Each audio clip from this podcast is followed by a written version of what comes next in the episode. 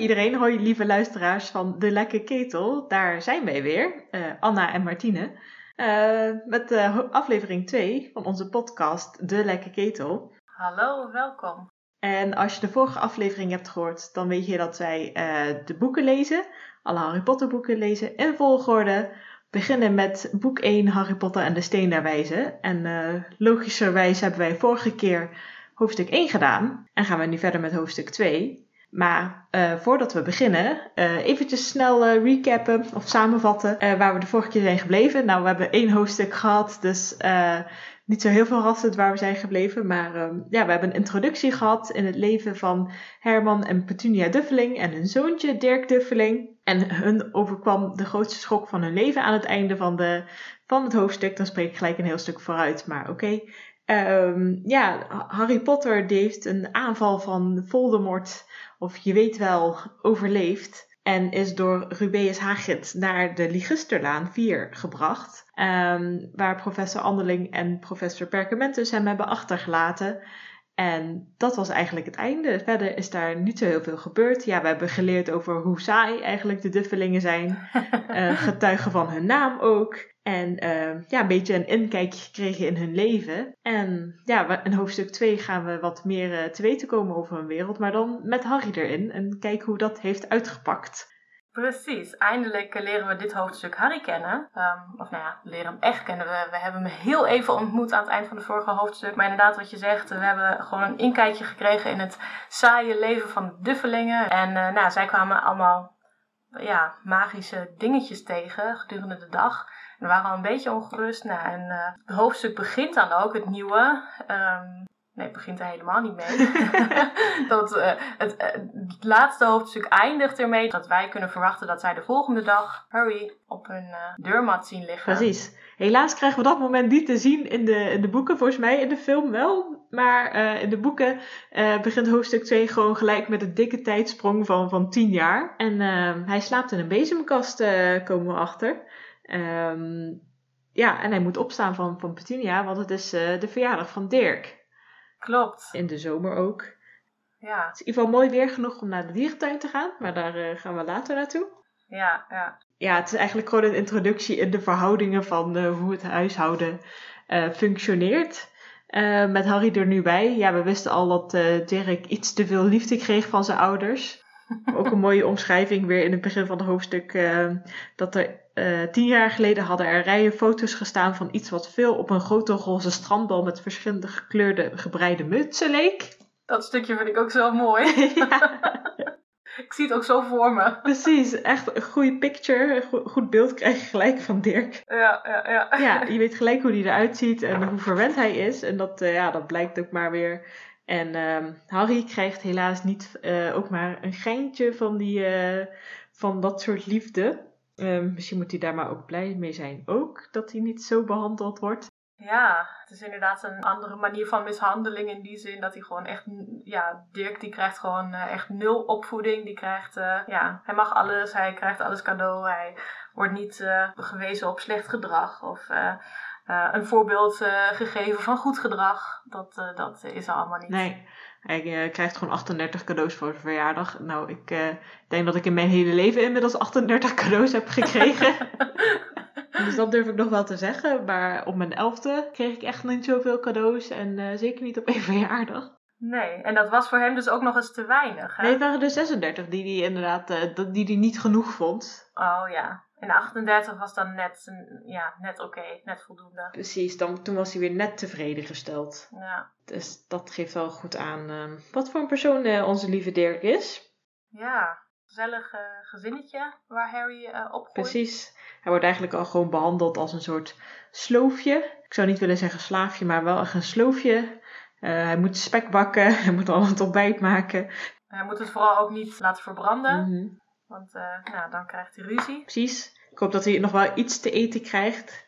Uh, nou, hij, hij, omschrijft zichzelf niet als ondergewicht, maar wel als mager. Maar zij krijgt wel iets te eten, misschien één spekgreepje. Ja. Kun je best lang op doen misschien. Dus ja, dat is eigenlijk een beetje het beeld wat wordt geschetst. De verwende, verwende Dirk en Harry, ja, die omschrijft zichzelf een beetje als klein en mager voor zijn leeftijd. Heeft wellicht ook te maken met die bezemkast kan me voorstellen dat dat niet het optimale, de optimale omgeving is om te groeien. Ja, weinig licht. Weinig licht, inderdaad. Ik ga me af, zou hij dan gewoon de hele dag daar moeten zitten dan ook gewoon, zeg maar? Of wat, wat doet hij overdag? Ja, vraag ik me ook wel eens af. Geen idee of hij dan af en toe in de woonkamer zit met... Ik, denk, ik denk het eigenlijk wel. Ik denk dat dat echt een plek is om te slapen en voor, voor straf. Hè, dat hij soms dan maandenlang eh, in die bezemkast uh, wordt opgesloten. Maar dat hij voor de rest dingen in het huis moet gaan doen. Ja. Koken, waarschijnlijk moet hij ook de was doen en uh, stofzuigen en allemaal dat soort dingen. Um, ja, of dat hij toch soms nou, gewoon in de woonkamer zit en met de duffelingen tv aan het kijken is of zo. Ja, precies. Zoals al zei, hij zal natuurlijk ook wel een groot gedeelte van de tijd op school zitten, bedenk ik me nu. Hmm. En in de latere boeken ja, zegt hij ook wel vaak dat hij gewoon buiten te vinden is. Dus misschien, ja. ja ik denk in ieder geval niet dat hij heel veel speelgoed heeft. Uh, nee. Of boeken of wat dan ook om uh, zichzelf mee te vermaken. Nee, nee, dat, dat lijkt me ook niet, nee. Hij heeft alleen de bezemkast en wat spinnetjes die daar uh, rondkruipen. Wat ik echt een heel, heel, heel naar idee vind. maar ja, goed, hij zegt, nou, ben er gewend geraakt, dus die vindt hij helemaal niet meer erg. Uh, ja, dat, zo werkt dat wel. Een beetje exposure. dan ben je van je angst af. Mhm. Maar goed. Um, maar hey, met die bezemkast. Um, toen je dat voor het eerst las, hoe, hoe zag je dat voor je? Um, nou, wij hadden wel ook een, uh, een kast onder de trap. Oh, Dus ik kon me daar wel iets bij voorstellen. Ja, Uh, die hadden ook, de- ook geen trap naar de kelder of zo. Dus dat was echt gewoon een, een gelijkvloerse kast. ja. En ik kan me wel voorstellen dat daar wel een kinderbedje in zou passen. Maar echt voor iemand langer dan 1 meter, dat, dat gaat gewoon, gewoon echt niet. Nee. Maar ja, als kind kon- had ik dan wel weer genoeg, zeg maar, inbeeldingsvermogen. Dat ik dacht van, oké, ik kan snappen dat iemand daar slaapt. En zeker dan ook als je de film ziet, dan, dan kun je er wel ook al iets meer bij voorstellen. Maar ik vond het wel, wel, wel zielig voor Harry. ja. Maar ook weer niet zo zielig of zo. Ik kan me niet herinneren dat ik dat nou het ergste voor hem vond of zo. Meer gewoon dat hij gewoon zo gepest werd en helemaal geen vriendjes had en zo. En dat, ik, ik vond het ook leuk om te lezen van, dat hij in ieder geval dan na de zomervakantie eindelijk verlost zou zijn van Dirk. En dat hij daar dan wel naar uitkeek, ook al was het het, het, het treitercollege wat hij naartoe gaat. Ja, Het klinkt ook niet echt als een hele gezellige plek, maar in ieder geval, hij had in ieder geval vooruitzicht. Hij had er weer een beetje hoop. ja, klopt. Ja, dat, dat had ik ook heel erg. Dat ik echt dacht, ach jeetje, wat goed voor hem. dat hij een beetje tijd eh, zonder Dirk kan doorbrengen. Eh, en nou, nou, misschien dan ook de kans krijgt om, om vrienden te maken. Maar goed, we, we horen straks, of eh, volgens mij volgende hoofdstuk pas, dat hij daar uiteindelijk helemaal niet heen gaat. Dat hij iets heel anders gaat doen. Mhm. Maar daar komen we later op.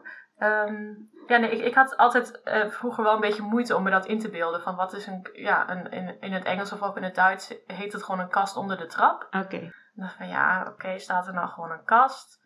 Wij, wij hadden niet zo'n inbouwkast onder de trap. Dat heb ik nu wel. Dus nu heb ik echt een, een Harry Potter kast. en dat vind ik best wel cool. maar eh, ja, ik zou daar niet eh, lekker liggen. Dat- nee, dat lijkt me niet heel fijn. nee hè? Nee. Nee. Je hebt, je hebt dus ook nog niet geprobeerd daar te slapen, net zoals Harry een keer. Gewoon om het echt te beleven als Harry Potter. Nee, nee. En de, de kruipruimte zit daar ook in. Hmm. Dus eh, dan lig je op... Ja, nee, dat lijkt me niet heel prettig. Nee, duidelijk. Ik zou het ook niet per se aanraden hoor. Maar nee. weer niet eh, method acting, method podcasting. Het zou maar zo kunnen dat je dat hebt geprobeerd. Ja, nee, misschien, eh, misschien ooit een keer. Misschien ooit een keer. Nou, dan, dan zul je er uitgebreid bericht over doen in deze podcast. Dat, dat zal ik zeker doen, ja. Ehm, ja, wat, wat mij nog opviel, hij ehm, nou, vertelt eigenlijk vanuit zijn perspectief, vertelt hij over zichzelf, en eh, introduceert hij zichzelf eigenlijk. Eh, en hij zegt dat hij nubbly knees heeft in het Engels. Eh, hoe- Ah ja. Weet je hoe dat, hoe dat in het Nederlands stond? Ik vond het altijd een hele gekke, heel gek iets om je, om je te omschrijven. Van, überhaupt om het over je knieën te hebben, maar dan ook nog, wat zijn nubbly knees? Ik kon me daar niet echt iets bij voorstellen. Oh ja, nee, dat kan me wel voorstellen. In, in het Nederlands is het vertaald als knokige knieën. Oké. Ehm, ja, wat be- betekent. eh, ja, in ieder geval, daar kan ik me iets meer bij voorstellen. Want dat betekent gewoon dat ze een beetje uitsteken. Dat hij gewoon niet veel vet op de botten heeft. eh, Ja. Waar dan ook. Ja. Dus, ehm, maar knobbly li- knees, dat klinkt ook meer als een soort van eh, wiebelige knieën. ja, precies. Hij staat gewoon niet helemaal stabiel. Nee, precies. Dat, dat idee krijg ik er meer bij. Van, Ja. Harry heeft een beetje instabiliteit in zijn ledematen. Ja. zijn. ja, ik vond het altijd een, een, een, gek iets om over jezelf te zeggen. Van nou, ik heb zwart haar en ik heb, het haar groeit altijd een beetje wild. Nou, dat vind ik een hele logische om te noemen. Uh, en hij noemt natuurlijk zijn uh, litteken. Precies. ja, uh, wat natuurlijk een hele belangrijke of uiterlijk kenmerk van hem is. Mm -hmm. En dat vindt hij ook heel fijn aan zichzelf. Dat is eigenlijk het enige wat hij, wat hij leuk vindt. Ja. Ja, dat vind ik wel een opvallende, want meestal zijn juist ook littekens iets waar je mee wordt gepest, zeg maar, op die leeftijd. Of eigenlijk alles wat anders is aan je. Dus zo'n litteken dat super erg opvalt. Ja. Zou je ook denken dat dat ook een punt is, zeg maar, waarbij veel wordt uh, gepest en wordt aangesproken. Dus dat je dat ook vervelend aan jezelf zou vinden. Maar hmm. jij vindt het juist een, inderdaad een, goede, een goed uiterlijk, uh, hoe heet dat? Goede feature? Ja, goede feature. Ja, dit is mijn feature, mijn, mijn litteken. ik weet even niet hoe je dat goed zegt, maar dat uh, goed. Uh, ja, hij is er wel trots op, hij is er wel blij mee. Dus dat vond ik wel uh, opvallend. Maar ook überhaupt, en dan begin ik me ook af te vragen van waarom is het eigenlijk een, een, een bliksemschicht? Ja. Weet jij dat? Um, ik volgens mij heeft het te maken, of is in ieder geval een theorie, dat het te maken heeft met de armbeweging die je moet maken voor de curse, voor de, de, de Avada Kedavra curse. Oh. Dus dat dat die vorm heeft. Ik weet niet of dat een Pottermore bevestigde theorie is, of dat gewoon iemand dat heeft bedacht. Maar dat is wat, wat ik erover weet. Oké, okay. dat klinkt inderdaad als een logische, want ik vond het altijd een beetje zo uit de lucht vallen. En het is, ja, het is wel een redelijk specifieke uh, figuur.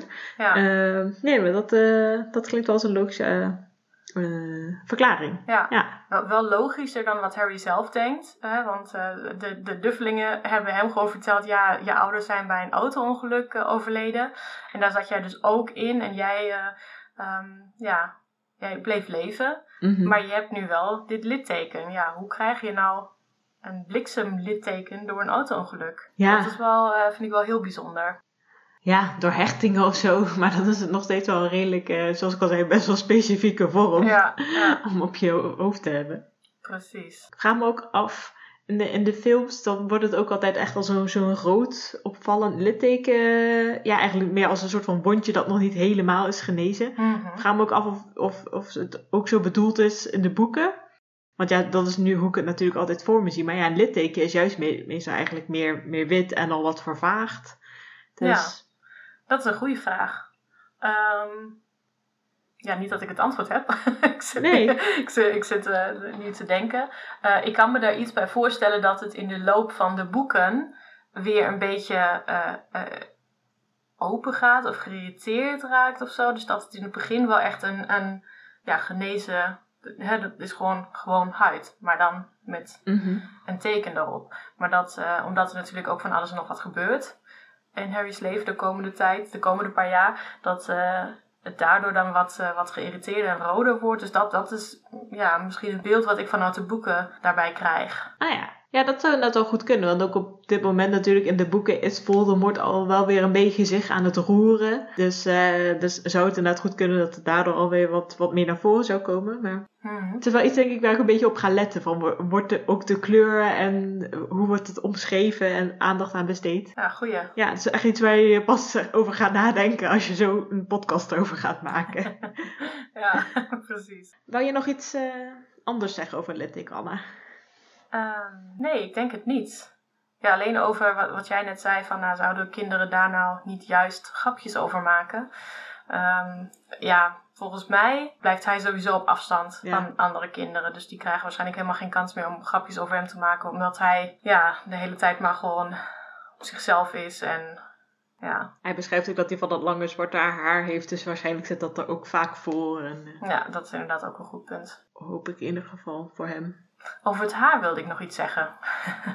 Oké, prima. Ja, namelijk uh, als hij uh, de keuken inloopt of de woonkamer inloopt, uh, daar zit Vernon Dursley, um, hoe heet het ook alweer, Herman Duffeling, zit aan de keukentafel of eettafel en zegt iets over zijn haar. Mm -hmm. Ik weet niet precies wat hij zegt, maar iets negatiefs over Harry zijn haar. En nou, misschien is dat een beetje te ver vooruit ge gesproken. Mm -hmm. Maar um, James, Harry's vader, die heeft natuurlijk heel vergelijkbaar haar.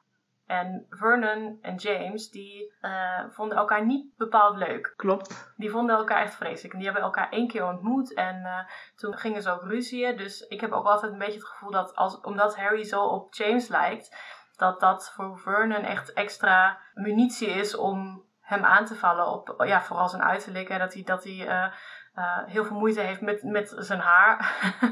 ook dat hij daar ja, vaak over zeurt. Dat dat ook daarmee te maken heeft met die link van, ah ja, hij lijkt gewoon heel erg op James. En dat was gewoon een vreselijke vent. Precies, en alles wat hem daaraan herinnert, zoals Harry's haar.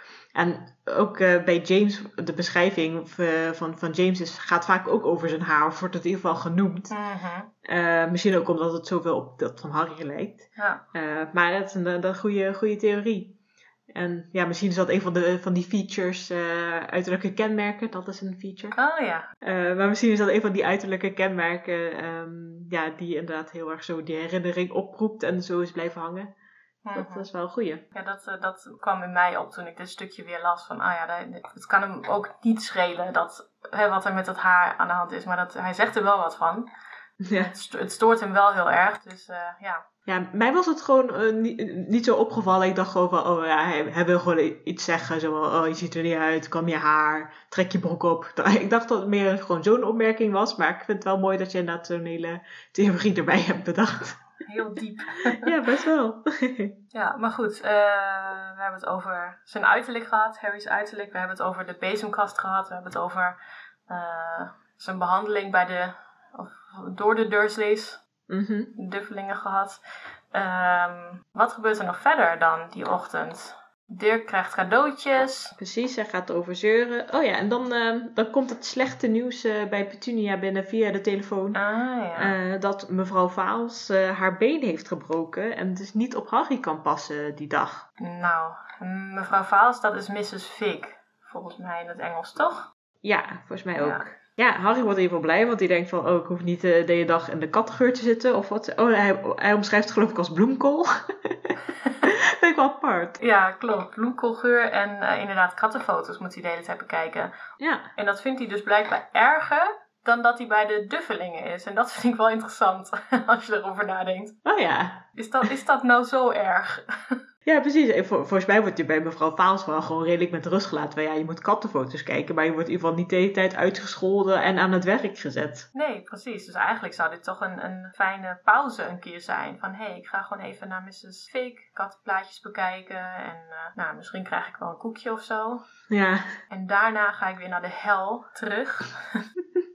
Ja, het komt een beetje neer op die discussie van wat mag Harry gewoon doen in het dagelijks leven. Nou. Want ik kan me aan de andere kant ook wel weer voorstellen, gewoon als elfjarige, dat je de hele tijd naar kattenfoto's moet kijken. Dat is wel gewoon echt heel saai met iemand die drie keer, vier keer, vijf keer, nee wacht, acht keer zo oud is als jij. Ik weet niet hoe oud. maar gewoon Ja. echt, ja, die, en die alleen maar over de katten kan praten. Dan zou Ja. ik inderdaad misschien gewoon liever stilletjes op de bank naast Dirk zitten en naar zijn tv-programma kijken. Ja. Ja, ja, alsnog vind ik het een beetje raar. Nee, precies. Zeker dat je inderdaad even een pauze hebt van, van, van de helft bij de tuffelingen. Mm. Ja. Maar daar wil hij echt niet heen. Dus Harry eh, is stiekem wel blij dat eh, Mrs. Fig eh, haar been heeft gebroken. Nou, Leuke jongen die Harry. ja, precies. Echt super aardig. Ja. En en wat is het? empathisch. Dat is het woord wat ik zocht. Oh ja, ja. Ja. Nee, niet heel empathisch van hem. Maar goed, hij is elf jaar oud. Ik, ik wil het hem nog wel net vergeven. precies. Hij is natuurlijk ook niet heel erg empathisch behandeld in zijn leven tot nu toe. Dus misschien Nee. loopt hij een beetje achter op die ontwikkeling. Ja, goed punt inderdaad. Maar goed, de, consequentie daarvan is dat, dat dus... Nou, eigenlijk wilden de Duffelingen met Dirk en een vriendje van hem naar de dierentuin. En ze wilden natuurlijk Harry niet mee hebben, sowieso niet. Maar ze willen hem ook liever niet achterlaten. Ik vind het wel een beetje. Ik snap zeg maar dat, dat het idee is van het hoofdstuk dat hij bij die slang in de buurt komt en zo. Maar ik heb nog wel wat puntjes van aanmerking. Ik heb echt iets van: waarom laat je Harry niet gewoon thuis voor één middag? Het is een elfjarige. Wat gaat hij doen? Hij weet toch wel dat jullie hem gaan straffen al- als hij iets doet wat niet mag. Dus volgens mij is Harry niet echt een persoon die dan het hele huis gaat verruineren of alles in de koelkast gaat opeten. volgens mij valt dat best wel mee. Dus ja, ik, ik snapte niet gewoon van waarom ze hem niet gewoon thuis zouden laten. Ja. Of uh, ja, in de auto snap ik ook niet zo goed, want hij zit uiteindelijk ook gewoon in de auto. Maar ja, dat lijkt me op zich vanuit hun uh, perspectief ook weer niet heel handig. Want dan, uh, dan kun je, krijg je misschien iets sneller de, de politie op je dak van waarom heb je een kind in je auto achtergelaten. ja. Dus dat snapte ik niet helemaal. Nee, goede vraag. Waarschijnlijk inderdaad zodat hij de slang kan ontmoeten, waar we straks weer meer over horen. Ja. Maar ik heb het ook nog even uh, vanuit het perspectief van de duffelingen heb ik ernaar gekeken. -hmm. En bear with me, maar misschien begrijp ik het wel een beetje. Oké, oké, okay, ik ben benieuwd. Vertel maar. Want um, zij zijn dus diep magisch. Zij weten niet hoe magie werkt. Zij weten alleen dat Harry misschien wel magisch bloed heeft. Um, ze vinden magie vreselijk en eng ook.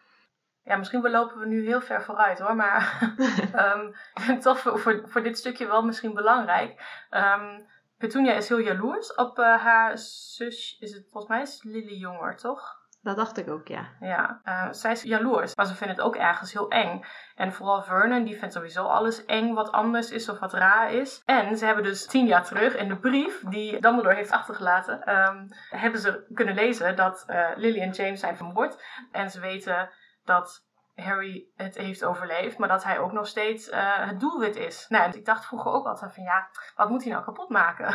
Ja. maar ze, ze, snappen, ze weten gewoon niet hoe magie werkt. Um, dus vanuit dat oogpunt, en er gebeuren soms wel gekke dingen, daar vertelt Harry straks nog wel wat over, hè, dat, dat soms inderdaad in zijn leven gekke dingen gebeuren. Ja, hoe weten de Dursleys nou um, dat het niet kan gebeuren dat hij gewoon het huis opblaast of dat de auto stuk gaat of zo? Ja, ja, hij zegt natuurlijk ook wel specifiek uh, Herman of uh, Petunia, ik weet niet een van welke van de twee, maar en dan één grote puinhoop aantreffen als we thuiskomen. Ja. Dus het is inderdaad niet zo van, oh hij gaat alles opeten of de hele dag tv kijken, maar het is inderdaad van het huis uh, ligt aan diggelen dan of is helemaal ja. ja, kapot of wat dan ook allemaal. Ja, precies. Dus het heeft wel met die angst inderdaad uh, te maken. Dat er niet, niet, niet dat Harry met zijn vette vingers aan het raam zit, maar echt uh, grote ravage dat er gebeurt, ofwel door hem of inderdaad door iets anders. Dat, dat specificeren ze inderdaad niet. Maar ze zijn wel bang dat er iets groots zou kunnen gebeuren. Ja, ja en ik denk dat die angst wel ergens begrijpelijk is. Ja, en dat vind ik wel, um, ja, wel knap gedaan inderdaad. Als het uh, ik, ik, ga helemaal mee in jouw theorie. Want J.K. Rowling doet natuurlijk wel vaker van een soort van, van die uh, zinnen waarvan je dan aan het begin niks denkt. Uh, maar dan een paar boeken later denk je, oh ja, dat zou best wel kunnen. Of, of dat, dat sloeg daarop. Of dat heeft daarmee te maken. -hmm. En dat zou met dit net zo goed kunnen, inderdaad. Dat, ja dat je inderdaad later pas weet van zij zijn inderdaad best wel bewust van het gevaar. En daar zijn, volgens mij zijn ze daarom ook zo geïrriteerd met Harry de hele tijd. Dat, dat hij zeg maar de bron van, van het gevaar, het kwaad in hun leven is. Ja. Uh, maar dat dat inderdaad, ja, Harry valt dat verder nu niet op. Dus hij besteedt er verder ook geen aandacht aan, aan die zin. Nee, en hij denkt net als wij toen wij het voor het eerst lazen van, oh ja, waarom zou het huis nou in puin liggen als ik een middagje alleen ben? Ja. Snap ik niet. Maar ik denk inderdaad, als je het vanuit dat perspectief bekijkt, dat, dat uh, is natuurlijk geen uh, verdediging van hoe de Dursleys zich gedragen tegenover Harry. Dat is gewoon niet oké. Okay. Nee. Um, maar ergens begrijp ik wel waar die angst en waar het, nou ja, de frustratie vandaan komt. Nou, sowieso als je bedenkt dat ze gewoon nooit persoonlijk überhaupt uitleg hebben gekregen over wat er is gebeurd. Nee. Harry werd gewoon gedropt bij ze met een brief met de uitleg: hey, je zus is vermoord en uh, Harry heeft het overleefd, maar die is wel in gevaar, dus hij moet nu bij jullie komen wonen.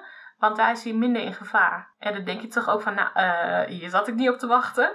nee, zo had ik had überhaupt al geen goede band met mijn zus. En dan helemaal niet met uh, haar zoontje die ik uh, één keer in mijn leven heb gezien. Mm. En dan, het is natuurlijk überhaupt best wel een grote verantwoordelijkheid om iemands zoon of dochter in huis te nemen en daarvoor te gaan zorgen.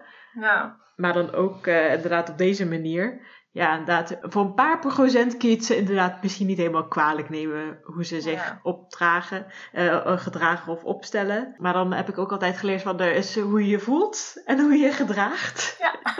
Die twee zou je op zich kunnen scheiden. En eh, ja, klopt helemaal. het is duidelijk dat zij daar nooit over hebben nagedacht. En, maar als ik over nadenk, dan lijkt het me ook zo, zo vermoeiend als je dus echt je, de rest van je leven lang eigenlijk, of nou ja, voor hoe, hoe lang Harry in, bij hen in huis zou wonen, dat je je zo negatief opstelt tegenover iemand.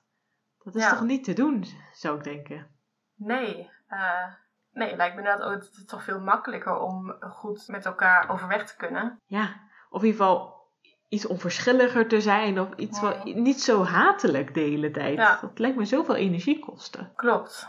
Maar goed, dat is eh, weer een heel ander soort zijspoor. Ja, ja, wat zijn dit voor mensen? Dat, Ja. eh, dat wordt wel steeds duidelijker. Zeker weten. ja. Ehm, maar goed, waar waren we in het verhaal gebleven? Ehm, hij mocht niet mee naar de dierentuin eh, in eerste instantie. Zou hij naar Mrs. Fig? Ehm, dan nee, alleen thuis laten, dat gaan we echt niet doen. Alleen in de auto, nee, de auto is nieuw. Gaan we echt ook niet doen. Dat al helemaal niet. Dus de enige optie is toch Harry meenemen naar de dierentuin. Ah, Dat vindt Dirk echt super vervelend. Die gaat dan ook een beetje doen alsof hij gaat huilen. Tot dan zijn vriend eh, voor de deur staat. En dan is hij opeens weer heel stoer. precies. Dus we weten ook precies wat Dirk voor een eh, jongetje is. maar goed, Harry mag mee naar de dierentuin. Jeetje, hij was nog nooit in een dierentuin geweest. Nee, ah, op zich ook niet zo gek op 11-jarige leeftijd. Ah, we zijn vroeger altijd naar de dierentuin geweest. Dat is wel leuk. Ja, dat is heel leuk. Ja, oké, op 11 was ik inderdaad ook al, al een paar keer in de dierentuin geweest. Dat is waar, dat is waar. Ja, het is misschien ook een beetje de vraag hoe ver de eh nou, dichtstbijzijnde dierentuin vandaan is. Bij ons was het een half uurtje rijden, dus we waren er vroeger heel vaak. Oh, ja, ja. En ik lees hier ook niks dat ze een halve dag in de auto zitten. Dus het zal vast inderdaad niet heel ver weg zijn. Nee, in de film zijn ze volgens mij in de London Zoo. En eh, nou, wat, eh, wat gaat daar allemaal gebeuren? Ja, eh, hij, volgens mij zegt Harry nog eerst in de auto, zegt hij van, oh, ik had over een vliegende motorfiets gedroomd. Oh ja, klopt inderdaad. Veroorzaakt hij nog bijna een ongeluk mee. Ja, en daar geldt ook weer hetzelfde. Ehm, ergens begrijp ik de reactie van, van Herman. Dat hij daar zo van schrikt. ja, ja. Ook al heeft hij gewoon doorheen geslapen door het bezoekje van een vliegende motor in het vorige hoofdstuk. Eh, ja, maar toch, eh, ja. Ja, en ze, ze hadden het er natuurlijk ook over in hoofdstuk 1 dat, zeg maar, ze zijn niet alleen bang voor magie, ze zijn ook gewoon super saai. En ze, daar zijn ze trots op. Dus alles wat niet normaal is, daar willen ze voor, sowieso nu met Harry, maar ook in het algemeen denk ik dat ze daar gewoon zo ver mogelijk vandaan zouden blijven. En dat ze dus niet eens tegen elkaar zouden kunnen zeggen van, oh, stel je voor dat motorfietsen zouden kunnen vliegen. Grappig, hè? Ja, Dat, dat komt gewoon niet eens bij ze op. Zeg maar, zo saai zijn ze. dat zouden ze gewoon niet grappig vinden. nee, precies. Waar heb jij het over? Ga, ga terug je saaie boek lezen. Ja, precies. Nee, maar goed, inderdaad, dat zegt hij in de auto. Ehm, en als ze dan een keer in de dierentuin zijn, heeft hij het over ijsjes. Hij krijgt namelijk ook voor het eerst een ijsje van de duffelingen. Of ik weet niet of het helemaal voor het eerst is, maar eigenlijk wilden de duffelingen geen ijsje voor hem kopen. Maar omdat de, de verkoopster eh, hem vroeg van, nou, wat, wat, eh, wat wil jij dan voor ijsje? Nou, toen moesten ze wel, want anders is het ook heel raar. Ja, nee, die jongen die krijgt geen ijs. het is alleen voor die dikke. Dat kan natuurlijk niet. nee, precies. Ehm, nou, en even daarna krijgt hij nog een tweede ijsje zelfs. Want eh, toen gingen ze echt ergens zitten, als ik het eh, nu goed heb onthouden, Klopt. Voor de lunch. voor, voor de lunch. En dan krijgt eh, eh, Dirk, die zeurt over het eerste ijsbekertje, want die was te klein. Ja. Ehm, en die mocht Harry toen opeten, toen Dirk een tweede kreeg. En eh, jeetje, wat een luxe. Volgens mij is dit echt de beste ochtend eh, in zijn leven tot dan toe. Twee ijsjes. Oh, wacht, dat zegt hij ook gewoon. Harry, Harry had de fijnste ochtend sinds tijden. Oh, ja. Nou, dat snap ik wel. Hoor. Als je twee ijsjes krijgt op één dag, zou ook best wel een goede ochtend zijn in mijn leven. Ja, en, en in de dierentuin. En in de dierentuin ook nog eens. Ja. Wat, wat ik hier nog even wilde vragen, namelijk in de Engelse versie heet de ijsbeker Knickerbocker Glory. Dus ik vroeg me af of het ook in het Nederlands was vertaald als een echt specifieke type ijsbeker. Of... Ja, als een bananensplit. Ah, oké. Ja, die is misschien dan in, in Nederland wat bekender. Ja, een Knickerbocker Glory. Ik weet heel toevallig, ik weet niet eens waar- waardoor, dat het inderdaad een, een type ijskoep is. Maar ik zou echt niet weten wat erin zit. Weet jij dat Ehm, wel? Nou, ik heb, ik heb het bekeken, maar ik ben het alweer vergeten. Volgens mij gewoon iets met, iets met fruit Ah ja. en slagroom. Ja. Maar dit soort dingen vind ik altijd echt super ehm, leuk aan buitenlandse boeken. Als je de originele versie leest en dan kom je dit soort woorden tegen die je gewoon eigenlijk niet kent. Als niet-native speaker, die kom je gewoon niet tegen. Nee. En eh, eh, ja, eigenlijk alleen in dat soort boeken. En dat je dan denkt van, goh, wat zou dat nou zijn? en eh, ja, dat maakt het echt super interessant om in andere talen te lezen. Ja, precies. Je echt een inkijkje krijgt in de cultuur. En ook dit soort vage dingen waar nooit iemand het echt over heeft. eh, ja, krijg je gewoon een inkijkje. Ja. Ja, en ook al gaat het over de, de magische wereld eh, in Groot-Brittannië in deze boeken. Je krijgt toch best wel wat mee inderdaad ook van de Britse cultuur. Mhm. Als je inderdaad een beetje weet waar je op moet letten. En eh, inderdaad zeker als je de Engelse versies leest. Dat is eh, zeker wel leuk. Al snap ik echt wel heel goed dat ze het hier gewoon als een bananensplit hebben vertaald. Ja, klopt. Knickerbocker Glory, dat nou, zal wel vraagtekens oproepen, denk ik. Denk het ook. Dat Ja. leidt nogal af. Ja, in het Duits is het gewoon vertaald als ijsbeker, dus dat is heel saai. Nee, is de moeite genomen om iets leuks ervan te maken. Nee, nee, Oh. Je hebt toch ook wel bananensplits in, eh, in Duitsland? jawel. Ja. Gemiste kans. Zeker. Ja, geen wonder dat je daarna in het Engels ging lezen. Nee, precies. Duitse boeken, niks aan. Nee. Ehm, maar goed, ehm, ja, als ze het ijsje hebben gehad, dan gaan ze naar het reptielenhuis. En ehm, ja, eigenlijk vinden ze het in het begin een beetje saai. Want alle, alle, alle slangen die liggen gewoon te slapen. Zoals ze dat vaker doen. En dan eh, gaan ze allemaal op de ruiten tikken. Zo van, laat hem bewegen, doe iets. Nou, zoals echt die irritante kinderen. Die dan worden ook eh, opgejaagd door de ouders dat te doen en zo. Ja, ja, ja, ja. Maar weer bevestiging op bevestiging krijgen we in deze hoofdstukken dat het gewoon vervelende mensen zijn. Precies. Maar, eh, maar dan gebeurt er eh, opeens iets. Want eh, Harry blijft nog even staan kijken. En die zit zich in te beelden van ja, ze inderdaad echt kei saai dat leven wat hij heeft. En ik zou ook niks meer doen. en dat hij van verveling was doodgegaan, uh, iets niet over. Ja, hij, ze- hij, zegt, hij zegt ook volgens mij dat de slang het zwaarder heeft dan hij zelf. Ah, dus hij heeft toch wat empathie. ja, toch iets. maar aan de andere kant vraag ik me ook af of dat wel helemaal klopt. Want de slang hoeft geen eh, huishoudelijke taken te doen. Of eh, krijgt altijd eten en dat soort dingen. Ja, nou hij heeft het vooral over dat, eh, dat de slang nooit gezelschap heeft. Nou ja, ja, daar kan hij zich waarschijnlijk heel goed invoelen. Ja, hij voelt zich ook altijd alleen. Maar eh, opeens niet meer, want eh, dan krijgt hij opeens een knipoog van een slang. Damn. Dat lijkt me echt heel, heel creepy. Ja, stel nou, je staat in, in de dierentuin en opeens knipoogt er een slang naar je. Ja. Ik heb ook ooit ergens eh, gehoord dat slangen helemaal niet kunnen knipogen eigenlijk. Ik weet niet of dat klopt. Ja, jij knikt. ja, klopt. Dat was inderdaad een van die fouten eh, in het boek die ik heb gelezen. Ja. Eh, er staat een hele alinea over dat eh, slangen volgens mij hebben geen oogleden. En daarom eh, staat een hele beschrijving van hoe de spieren van, van het gezicht dan hebben samengetrokken, waardoor het leek op een knipoog. Nou, ik denk niet dat, dat JK daar zoveel voor heeft nagedacht. Die dacht gewoon, die krijgt gewoon een knipoog. Het is een magische slang. Precies. Allemaal magisch. Goeie verklaring. Precies. Al is deze slang natuurlijk niet echt magisch. Later weten we waarom Harry kan praten met de slang. Ja. Maar hij heeft er eerst nog een heel gesprek eh, met de slang ook. Ja, Ik heb er één vraag over. Mhm. Ehm, namelijk, hoe heeft de slang Harry gekozen om naar hem te knipogen? Wa- Want hij heeft helemaal niks tegen de slang gezegd. Dus hoe wist de slang dat dit een goede gesprekspartner zou zijn? Dit is wel een, een plothol inderdaad. ja, is het, ja, zouden slangen dat kunnen, kunnen voelen? Of eh, zien ze een soort van aura om iemand heen die, die met ze kan spreken? Hmm. Zoiets heb ik nooit gehoord, maar Nee. ehm, zou best wel kunnen. Ja. is mijn goede argument, goede reactie op. Zou kunnen. Ja, nou ja, zou kunnen. Is magisch, toch? ja, zou kunnen is magisch. Ja. nee, ja, waarom Harry? Was dat gewoon toeval? Ik wou net zeggen, misschien probeert hij het wel vaker. En nooit reageert iemand. Zielige slang. Ja, hij is ook eenzaam. hè. En dan eh, gaat hij altijd knipogen. En mensen knipogen misschien wel terug. Misschien dat hij daardoor ook steeds beter heeft geleerd. Van, oh ja, zo doen mensen dat dus. En, omdat, en Harry is als enige zo eenzaam die dan ook echt gaat praten tegen de slang. Precies. Nou, ze hebben elkaar dus gewoon gevonden. Ja, maar dat ze elkaar nooit meer tegenkomen hierna. Misschien was kan het altijd wel zijn huisdier kunnen worden. Ja, dit had best een leuke, leuke backstory voor boek 6 of zo kunnen zijn. Ja, of gewoon een spin-off. Ja. Harry en de slang.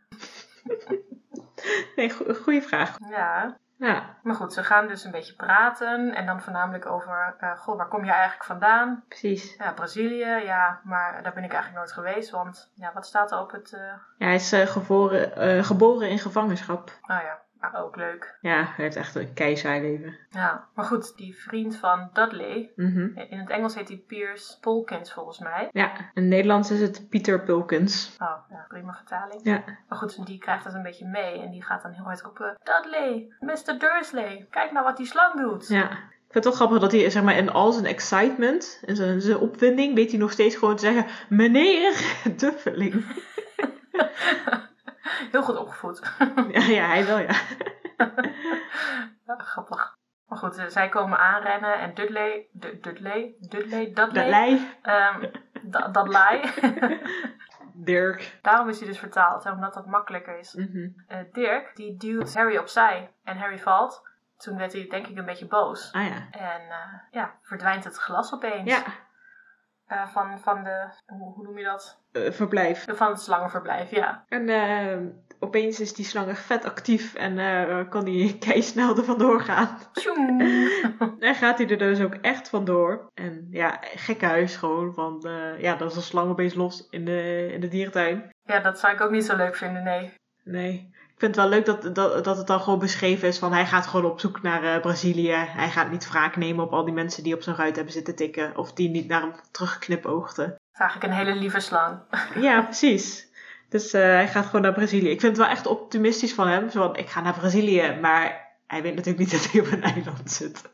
Nee, hij weet eigenlijk helemaal niet waar die is. Of nee, misschien dat wel inmiddels. Ja, misschien wel. Maar ik, dat, dat, dat was ook een van mijn vragen. Van, zou hij het hebben gered? Maar ik, eh, ik denk wel dat ik het antwoord daarop weet.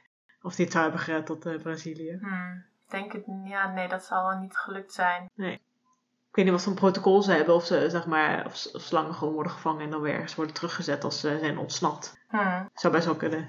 Maar goed. ja, misschien, het is wel een grote slang, dus waarschijnlijk hebben ze hem gewoon weer gevangen in de dierentuin nog. Ja. Ging er dus niet allemaal mensen vermoorden, gelukkig. Hebben we in ieder geval niks van gehoord. Nee, dus dan, nou, dan houden we het daar maar ook gewoon op. Het was geen groot nieuws. Nee. dus het zal wel niet zijn gebeurd. Ja. Precies. Maar wat, eh, wat ik hier een beetje jammer vind, is, of nou nee, juist leuk eigenlijk, is dat ze in de film, dus dat ze daaraan hebben toegevoegd dat Dirk in eh, het slangenverblijf valt en dan het glas weer verschijnt. Ja. Zij zit erachter. maar ja, kijk Dirk, dat gebeurt er nou als je gemeen bent. Precies. Ja, dat is inderdaad een betere straf. Ja, ja. ben ik met je eens. Nou ja, maar dat gebeurt dus ook met Harry. Oh ja. hij wordt ook opgesloten omdat hij eh, ja, iets geks heeft gedaan. Of de, de Dursleys gaan in ieder geval vanuit dat het zijn schuld was. Mhm. Ehm, Het was natuurlijk ook echt gewoon zijn schuld eigenlijk. Ja, maar dat weet Harry niet. Harry denkt gewoon van, ja, maar ik weet ook niet wat er is gebeurd. Ehm, Nee, klopt. Ik heb, ik heb het niet gedaan. Ehm, maar de Dursleys die denken van, ja, nee, dat moet gewoon. Jij doet altijd van die gekke dingen. ja. Dus jij moet nu de kast in. De bezemkast. Ja. Arme jongen. Ja, en hij krijgt ook geen eten. In ieder geval, no meals staat in het Engels. Ja, nee, dat zegt eh, Herman ook inderdaad in de Nederlandse versie. Geen eten. Ehm, nou, hij heeft natuurlijk wel al twee ijsjes gehad, dus eh, dat is genoeg voor de komende paar weken. in ieder geval voor één dag. nee, arme jongen. Nee, maar volgens mij zit hij wel echt even in de put, zeg maar. Misschien, hij had natuurlijk wel echt een goede dag. Het was echt een goede Harry-dag was het. Mhm. En dan is het gewoon weer echt een vervelende Harry-dag. Ja, En dus ik denk, ik kan me voorstellen dat dat wel even wat zwaar is om te verwerken. Want volgens mij, als ik het zo lees, is hij wel vaker, heeft hij wel vaker straf gehad. Dan moest hij dan weer naar zijn kast en zo. Maar ik kan me voorstellen als je dan echt zo in een optimistische bui bent van, ha, ik ben lekker in de dierentuin. Ik heb al twee ijsjes gehad. Het is een mooie dag vandaag. En dat je het dan weer soort van, zelf soort van verpest, maar eigenlijk ook niet weet hoe.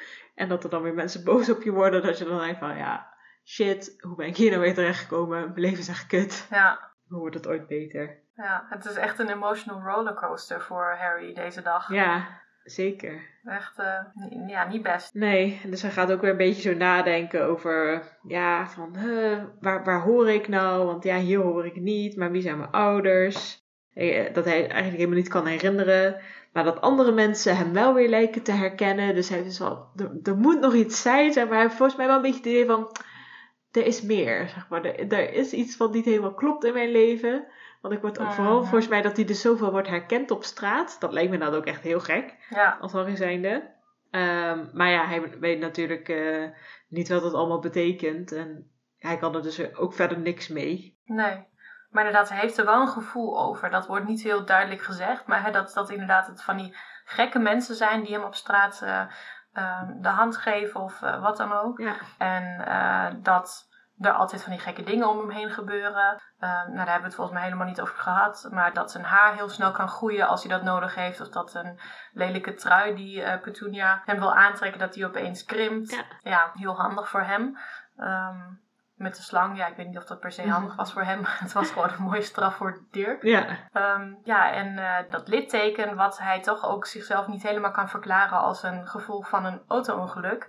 Eh, dus hij, hij voelt wel ergens van er is, iets, er is iets anders met mij aan de hand. ja. Hij weet natuurlijk niet wat het is. Nee. Nee, ik vind het ook echt een, een mooie opbouw, zeg maar. Dus als je door deze, dit hoofdstuk heen krijg je allemaal van die ja, flitsen. Zo van, oh, dat is inderdaad iets geks met Harry, maar je weet nog niet precies wat. Nou ja, aan de andere kant, als je dit leest, dan weet je waarschijnlijk wel dat hij een tovenaar is. Maar ehm, ja, je wordt er echt meegenomen in hoe Harry het beleeft. Ja, En eh, er wordt niet gezegd van allemaal mensen herkenden hem omdat hij eh, Harry Potter was natuurlijk. Maar gewoon van ja, hoe kon dat toch? En eh, dat soort dingen allemaal. Dus dat vind ik wel echt, ja, je, je wordt wel echt in zijn belevenis meegenomen. ja, klopt. Dat is echt heel mooi. Maar één vraag heb ik hier nog wel bij. Nou, Van hoe herkennen die tovenaars en heksen, hoe herkennen die Harry in vredesnaam gewoon in het wild op straat? Want we hadden net al over ja, waarschijnlijk zijn litteken is niet heel erg zichtbaar. En dan is mijn tweede vraag, of mijn subvraag, van, eh, weten mensen überhaupt dat hij een litteken als, eh, in de vorm van een bliksemschicht heeft? Want dat is wel eens een beetje zijn ehm, identificerende kenmerk. Weten ze dat überhaupt? En hoe zien ze dat dan zo snel? En, want ja, hij was natuurlijk echt nog maar een baby. En ja, Harry of eh, Lily en James waren wel redelijk bekende tovenaars. Maar ja, alsnog heeft natuurlijk niet iedereen hem gezien als baby. En dan nog als baby. Ah, al- als ik er nu over praat, James was natuurlijk, wat we zeiden, had wel een heel bepalend uiterlijk. Of in ieder geval herkenbaar uiterlijk. En Harry lijkt er natuurlijk wel op. Dus misschien op die manier dat ze wel een beetje hem herkennen. Maar alsnog vind ik het wel een beetje vreemd. Dat ik denk van, hoe herkennen in godsnaam al die mensen Harry Potter gewoon op straat, zeg maar, in het wild. In normale dagelijkse situaties.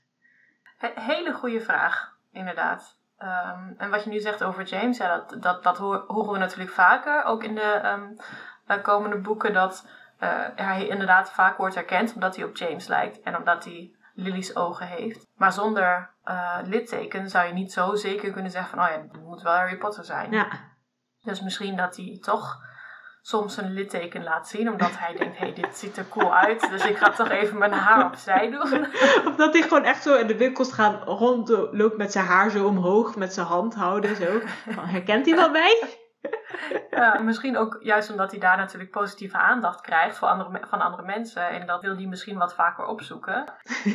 Ehm, maar ik weet niet of dat nou helemaal de verklaring is. Ik kan me ook nog voorstellen dat misschien ehm, Hagrid daarover heeft gepraat. Dat ze eh, Harry bij de duffelingen hebben achtergelaten. Dat, want Hagrid is toch iemand die gewoon soms net iets te veel vertelt over wat er allemaal gebeurt. Precies. En dat hij dat toch in de, nou bijvoorbeeld in de lekke ketel met een eh, drankje erbij, dat, eh, dat hij zat te praten van, oh ja, en toen hebben we naar die duffelingen gegeven, ja, dat een beetje raar gezinnetje wat in Little Whinging eh, woont. Mhm. En dat dan tovenaars denken van, goh, nou daar wil ik ook eens heen gaan en even kijken hoe die mensen eruit zien en eh, hoe het met Harry gaat. Ah ja. Misschien een beetje op die manier. Ja, dat zou inderdaad best wel kunnen. Dat als ze dan een beetje in die buurt zijn of inderdaad daar specifiek naartoe gaan, ja, dan, dan valt hij misschien inderdaad wel wat sneller op. En Ha- Hagrid inderdaad vind ik inderdaad ook wel een goede verklaring dat hij eh, natuurlijk aan Jan en Alleman heeft lopen te vertellen dat hij een bliksemschicht op zijn voorhoofd heeft. Ja, En als je weet dat je daarop moet letten, dan eh, spot je dat ook wel sneller. ja, precies. Maar het blijft een beetje vreemd. Ja, en misschien horen we ook nog eh, in de rest van dit boek van. ehm, ja, nou ja, misschien moeten we het daar nog niet over hebben, maar dat andere mensen zeggen: Oh ja, ik zie je litteken. Maar ik weet niet of ze daar ook echt iets over de bliksemlitteken zeggen. Of dat ze gewoon zeggen: Oh ja, het litteken, daar had ik al van gehoord. Want volgens mij weten ze wel van het litteken, maar niet. Ja, misschien niet hoe het eruit ziet, Ah, ja. maar misschien dus ook wel. Dat ze wel weten: Oh, dit is een bliksem. Zou kunnen. uit het hoofdstuk haal ik je voor op dat wij de aankomende boeken, hoofdstukken goed gaan letten op de omschrijvingen van Harry's litteken, verwijzingen daarna, opmerkingen van andere mensen. Zeker. Nou. Daar gaan we gewoon uh, heel goed naar kijken. Precies, daar gaan we het nog vaker over hebben. Ook een goed onderwerp, Harry's litteken. Ja. Maar dat was eigenlijk ook wel een beetje het einde van dit hoofdstuk. Ja, ja klopt. Het eindigt gewoon met hem die uh, ja, opgesloten zit in, de, in zijn bezemkast en uh, gaat nadenken. En het eindigt op een hele verdrietige noot. Namelijk dat hij ook helemaal geen vrienden heeft op school. Want niemand wil op school geassocieerd worden met Harry Potter.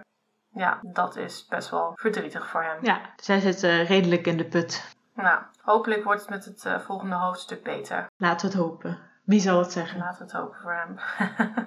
Hoe heet het volgende hoofdstuk ook alweer? De brief van niemand. Oh, kijk. Nou, hij krijgt misschien dan in ieder geval een brief. Ja. Dat is wel iets. maar van niemand, dus dat is dan weer wel jammer. Ja, dat is inderdaad wel weer vervelend. Ja. Maar goed, daar horen we dan um, de volgende keer alles over. Ja, we hebben in ieder geval dit hoofdstuk gehad. Ja, en om het um, af te sluiten, willen we het weer even hebben over de favoriete personages. Ja, ik ben nog een beetje aan het twijfelen tussen twee personages.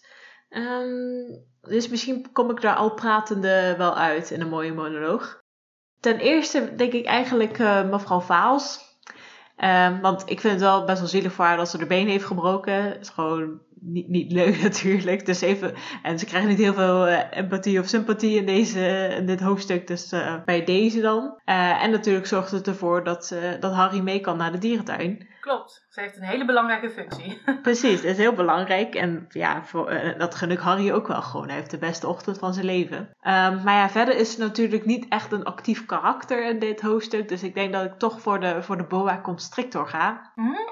Um, ja, die, die toch maar weer echt uh, ja, met Harry wilde praten. En uh, vriendjes misschien wel wilde worden met Harry. Want ze hadden gewoon best wel goed gesprek, denk ik. Wel echt een begin van een vriendschap zag ik daar opkomen. en uh, ik hoop dat hij uh, de vrijheid heeft gevonden en ook naar Brazilië is weten te gaan. Al is het daar misschien om daar maar in een dierentuin te zitten. En, maar dat hij in ieder geval misschien wat meer vriendjes kon maken. Ja. Maar ja, hij was wel echt ook heel belangrijk in het hoofdstuk. En de, en de, rest van de opties, uh, ja, Harry was de vorige keer al mijn favoriete personage. En de rest zijn ook, ook gewoon geen goede kandidaten. In ieder geval voor mij. Ik wil niet voor jou het, het gas wegmaaien, maar... Uh... Nee, er zijn inderdaad niet heel veel leuke mensen betrokken bij dit hoofdstuk. Nee. Uh, dat, dat heb je goed. Ja, ik, ik denk dat ik het um, kort hou. Uh-huh. mijn, mijn favoriete personage is de ijsverkoopster. Oh ja, ja, die is ook een goeie. Ja, want dat, dat was gewoon heel lief. En uh, ik vind dat ijsverkoopsters dit vaker moeten doen. Gewoon kinderen die niet om ijs vragen of die een beetje achter, achter de rest van het groepje staan. Dat ze die gewoon specifiek aanspreken van, hé, hey, en wat wil jij dan? Want dan kunnen ouders of uh, wie dat dan ook is er niet meer omheen om een ijsje te kopen. Ik hoop niet dat het heel vaak gebeurt dat kinderen geen ijsjes krijgen. Dat zou een beetje zielig zijn. Maar als het gebeurt, dan vind ik uh, zo'n inzet van een ijsverkoopster, dat, uh, dat vind ik wel heel mooi. Nou, daar kan ik me alleen maar bij aansluiten natuurlijk. Het is nou, een heel goed personage. Ja, toch? Heel belangrijk ook. maar het draagt in ieder geval bij aan de beste dag, beste ochtend van Harry in tijden. Dus ze mag inderdaad zeker genoemd worden. nou, bij deze. Inderdaad. Nou, dan uh, hebben we met deze uh, favoriete personages, of de beste personages uit het hoofdstuk, uh, zijn we aan het einde gekomen van deze tweede aflevering van De Lekke Ketel met Anne en Martine. Gaat weer snel, hè? Zeker snel. tot de volgende keer. Ja, inderdaad. Tot de volgende keer.